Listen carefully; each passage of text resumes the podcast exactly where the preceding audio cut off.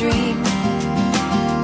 He says, I'd ride Doncs fem una cosa, ens situem al final del segle XVIII a Anglaterra. Només fàcil, eh, situar-me al final del segle XVIII a Anglaterra, però Costa endavant. una mica ara No, mateix. I menys potser amb aquesta música que estem sentint, que no és Shakira, però també és moderneta, però és que aquesta cançó es diu Jane Austen, per això l'he Ah. triada, eh? I perquè és maqueta, em va agradar força. A veure, Anglaterra, segle XIX, Reverend Austin... Segle XVIII, XVIII, XVIII. 18, 18, perdó, perdó, Final. perdó, perdó. Final del 18. Sí. Uh, Reverend Austin i la seva dona amb vuit fills. Uh, D'aquests fi d'aquests vuit fills, sis són home, nois, vaja, i dues noies, Jane i Cassandra. Sí. Això sol ja podria ser un element perquè aquestes dues germanes s'haguessin avingut molt, diguéssim, no? Dues noies amb, amb vuit uh, germans. Però hi ha altres elements. El que us vinc a explicar és que és Però com realment... és que no havia sentit a parlar jo de la seva germana? No? Jo tampoc, eh? No. Do, doncs mira, no sé si recordareu, fa, jo crec que a començament de temporada que vam parlar de dues altres germanes, també angleses, Virginia uh, Woolf Sí. i Vanessa, la seva germana Sí, Vanessa, us sí, recordeu sí, això? sí, sí, sí. Doncs és una història força similar, perquè una de les dues escrivia, l'altra pintava, en aquest cas també, Ah. el que passa que ni Vanessa ni Cassandra van arribar a assolir la fama que van obtenir les seves germanes escriptores. Però són dues germanes que es van estimar molt durant tota la vida i que es van fer molt de costat durant tota la vida. d'acord.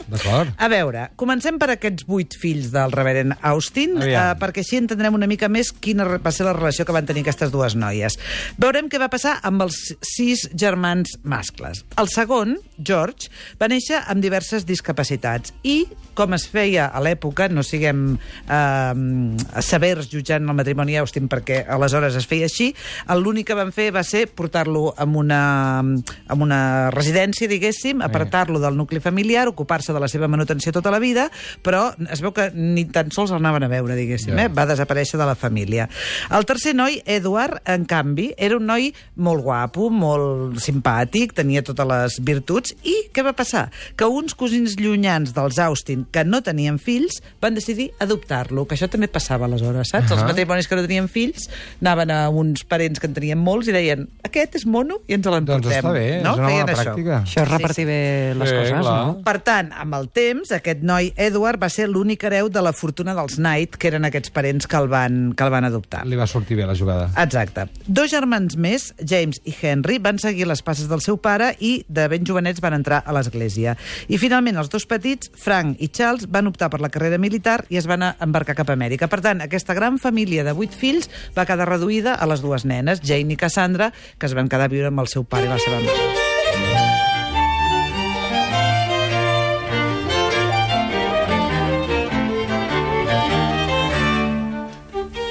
Quina mala època per les discoteques, eh? T'ho- juro. Però aquesta és la que posaven per tancar, eh? Subidon, subidon! Tampoc treguis conclusions. No sé què Podia dir. ballar, eren aquells balls tan monos. Ja, que te'ls feien, havies de saber, Que te'ls havies te'ls de saber, sí, eh, efectivament. I que ballaven homes i dones, que els homes no s'estaven allà a la barra amb un, amb un got de cubat a la mà. Ells ballaven Clar, clar, clar, s'havia de fer en parella, això. D'acord. T'agradava més abans, eh, Sílvia? Sí, m'agradava més abans. Bé, tenim el matrimoni Austin, les dues noies i una casa molt gran que van decidir que podien rendibilitzar aquest matrimoni. O sigui, que el que van fer és muntar una petita escola. Eh, Com que ell era el reverent, tenia una certa cultura, diguéssim, eh, va agafar nois de diverses famílies, que això jo no ho entenc gaire. O sigui, els teus fills els envies a voltar pel món i agafes fills que no són teus, però, en fi, van conver- convertir-ho en un negoci. Van arribar a tenir fins a nou alumnes a la casa. I eren nois, els alumnes, perquè no cal dir, les noies no estudiaven. Per tant, la Jane i la Cassandra eh, van haver de fer com una mena de front comú davant d'aquesta invasió de, de nois que els ocupaven la casa. Amb els diners aconseguits, el matrimoni Austin va decidir en, enviar Cassandra, que era la gran, a un internat, perquè almenys tingués una mica de- d'educació. I Jane, eh, que tenia només 7 anys, li va agafar tal atac de, de nervis, de pensar que la separaven de la seva germana, que no va parar fins que va aconseguir que els seus pares, tot i que només tenia 7 anys, i que era molt estrany als 7 anys enviar-la a un internat, doncs al final van, eh, van permetre-ho i se'n van anar les dues germanes a l'internat. Des d'aleshores, eh, no, pràcticament no es van separar si no era per, per una... Imagina't el sarau que devia muntar Jane Austen amb 7 anys per, Es veu que per sí, convèncer eh? els seus pares. Exactament, sí que devia Pares que agafaven OVs. fills, canviaven amunt i avall, i Exacte. diu, mira, noia, deixa'm en pau, vés-te'n allà. Es veu que les dues germanes no s'assemblaven gaire, és és a dir, que Jane era molt espavilada, molt més divertida, i en canvi Cassandra tenia un caràcter més melancòlic o més apàtic, però que s'estimaven amb autèntica devoció i que, per tant, separar-les realment hagués sigut una crueltat.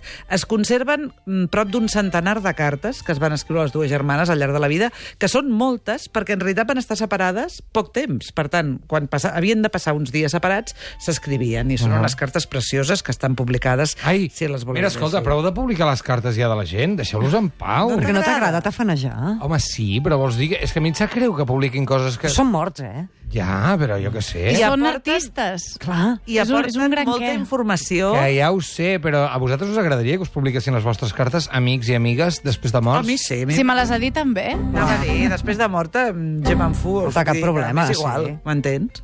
Val, va, endavant. A tu no, eh? No, ja, hem fet un referèndum, heu guanyat, ja Quines està. cartes deus escriure, Roger? M'agradaria saber. Querida amiga.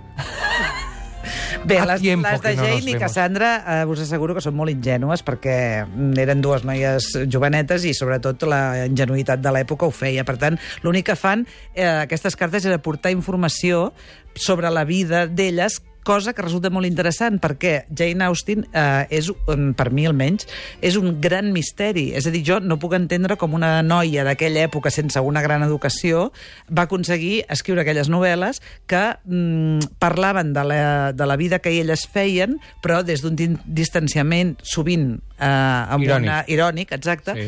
i dius, d'on surt això, no? D'on I surt que no rebés noia? fals, per això, o què? No, la primera la va, la va publicar amb pseudònim, la primera Clar. estava publicada amb, una dama, va, va signar així, però va veure que la rebuda era bona i després ja va, ja va signar amb Vull el seu nom. Amb, amb el que costa, du- durant molts anys ha costat publicar com a dona amb noms reals, Les no? Bronte, per exemple, van publicar amb nom amb pseudònim masculí durant un, un cert temps. En fi, que les tenim a totes dues, que s'estimen molt, que se'n van a l'internat i que després tornen a casa.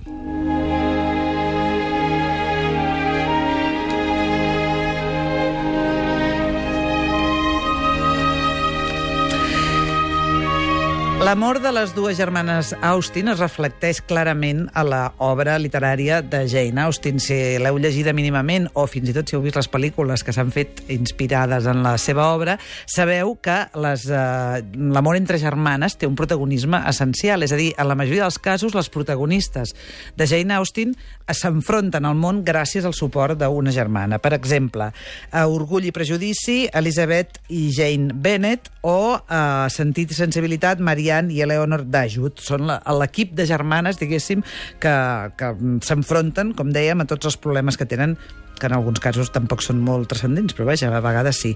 Uh, les dues germanes, Jane i Cassandra, uh, el feien vida social, és a dir, el que tocava per l'època, perquè mm, en aquell moment el que mm, dues noies joves havien de fer era buscar marit, això era la, la base de la, seva, de la seva vida, i per tant elles els agradava relacionar-se, ballar, van tenir diversos pretendents, però va arribar un moment que Cassandra es va enamorar d'un dels, dels pretendents, estava super enamorada i semblava que era l'home de la seva vida, però aquest eh, nòvio va agafar unes febres i va morir.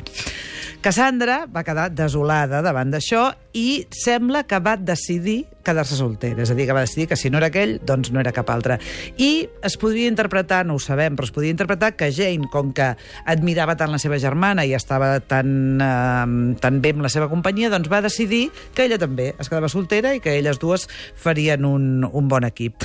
Eh, de tant en tant, el que feien era anar-se'n a casa del seu germà Edward, que era aquell que va ser adoptat i que, per Sí. tant, va heretar una gran fortuna. Que El de la pasta. el de la pasta, tenia una casa fantàstica que es deia Godmersham Park. Amb elles dues els agradava molt anar a aquesta casa, però hi havia un petit inconvenient, que és que mai van poder anar juntes, perquè una de les dues s'havia de casar a cuidar els pares. O sigui que els hagués agradat molt, s'ho haguessin passat bé, a mi em fa com una pena, però se'n anava una. És veritat, s'ho haguessin passat Sí, molt bé. sí, sí. Llavors, aquesta, aquestes èpoques que una se'n anava, era quan s'escrivien aquestes cartes que, que ens han arribat. We were both young when I first saw you. I close my eyes and the flashback starts. Who are you? Què diu aquesta? Què parlen? Parlen en aquesta cançó. Who are you? Home, no. Ah, sí, però està cantant, també. Quins pan m'has clavat. Pensava que, pensava que estaves posant una pel·li aquí. Sí, ho semblava. No, home, no. I què, què, què, què? Um, a veure, um, les dues noies Austin eren molt felices vivint allà on vivien, que era el camp, perquè a Jane li agradava molt llegir i a Cassandra li agradava molt dibuixar o pintar, vaja, era aquarelista, feia aquarel·les. I, per tant, estaven la mar de tranquil·les. Però el pare eh, va veure, mm, perquè els pares això ho tenen, va detectar que aquelles dues no tenien gaire interès a casar-se, com havíem dit. Ahà. Elles ja havien de ser que no. S'hi va I fixar, eh, el pare. i això ho va trobar terrible. I, i amb raó. Per... A veure, perdó, eh? Amb raó vull dir que en aquella època, si, ells es, si els pares es morien i aquestes dues noies no s'havien casat, quedaven totalment desprotegides. Vull dir, no es podien mantenir de cap manera perquè no estava ben vist que treballessin ni tenien cap habilitat i que, per tant, aquest home en realitat el que feia era patir pel futur de les seves filles. Total, que va agafar la família i va dir ens anem a viure a Bath, que era una ciutat que jo la trobo preciosíssima, no sé si heu estat, No. però jo la trobo Una preciosa. ciutat que es diu Banyera. Però té... sí, és una ciutat eh, balneari, per dir-ho així. Ah, clar. Però eh, les dues noies no els hi va agradar gens, perquè elles s'haguessin quedat a viure al camp tranquil·lament. Però vaja, al final hi van anar, eh, arrossegant una ala, però hi van anar, i es van instal·lar allà. Just al cap de poc d'haver-se instal·lat, el senyor Austin va morir i efectivament va passar el que ell temia, que és que la seva vídua i les dues filles van quedar totalment desprotegides. Què va passar? Que van anar a picar a la porta del germà Edward, el ric, i li van dir, a veure què fem, no? I el germà els hi va cedir una granja i se'n van anar la viuda, les dues noies i una amiga, eh, una amiga íntima que es deia Martha Lloyd, se'n van anar a viure a una granja a Shoughton i allà van estar vivint totes quatre eh, tranquil·lament. Jane i Cassandra, després de tants anys, van tornar a dormir juntes a la mateixa habitació i la veritat és que estaven encantades de la vida. Allà, Jane va començar a escriure una mica seriosament. És molt curiós per la gent, sobretot que escrivim, que, eh, llegir com s'ho feia. És a dir, ella no tenia cap habitació pròpia. Eh, Virginia Woolf encara tardaria unes dècades a, a reclamar aquesta habitació pròpia per les escriptores. Sí. I, per tant, escrivia al menjador o a la sala, o no sé com n'hem de dir, d'aquesta granja, on la seva mare i la seva germana rebien les visites, allò que es feia abans, no? Anaven les veïnes a prendre el té, el que sigui, i ella estava allà amb un racó escrivint en uns, en uns fulls de paper petits i quan sentia venir algú s'amagava els fulls de paper perquè ningú sabés Oh. i es posava a fer la visita, diguéssim. Ah, va, va, va, va. I he llegit una cosa que va fer molta gràcia, que és que hi havia una porta que anaven a, la, en aquesta sala que grinyolava, no?, al cap d'un temps de, de no haver-la greixat, i llavors ella demanava als criats que no la greixessin perquè volia sentir el grinyol de la porta, perquè era l'avís... Mm, la campaneta, qual, eh? Exacte, ella deixava d'escriure i es posava a passar visita, diguéssim.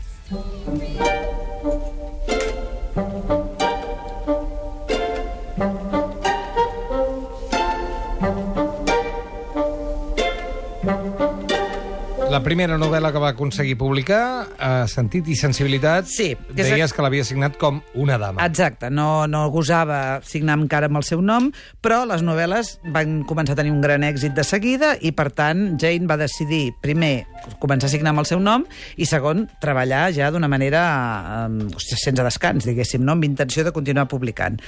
Eh, els, cap als 40 anys va començar a trobar-se malament i, per tant, eh, la seva producció va baixar una mica, tot i que encara va escriure molt. La seva germana Cassandra la va cuidar des del primer dia fins a l'últim, fins i tot quan eh, li van recomanar a O Jane... sigui, perdona, Cassandra va viure més que Jane Sí, Austen. tot i que em sembla que era més gran, si no m'equivoco.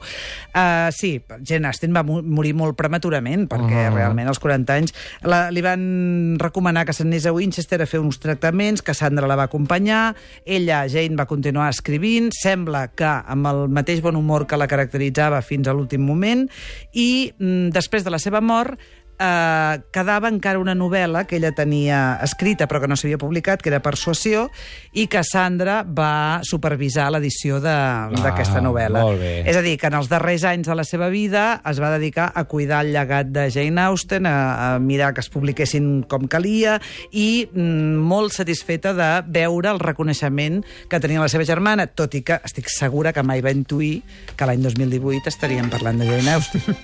T'imagines que ho intueix? A l'estat de Gràcia, el 2018... Ara rescatem les cartes i resulta que en parlaven, tu. T'imagines? Si tot va bé, per escaleta els toca. Sí, els toca. sí. A final, així, just si no, començant a l'estiu... si no el costa. Jane Austen i Cassandra Austen. Una història d'amor entre aquestes dues germanes. Com sempre, les històries d'amor amb la Sílvia Soler. Moltes gràcies. Adeu. Adeu. A Catalunya Ràdio, Estat de Gràcia, amb Roger de Gràcia.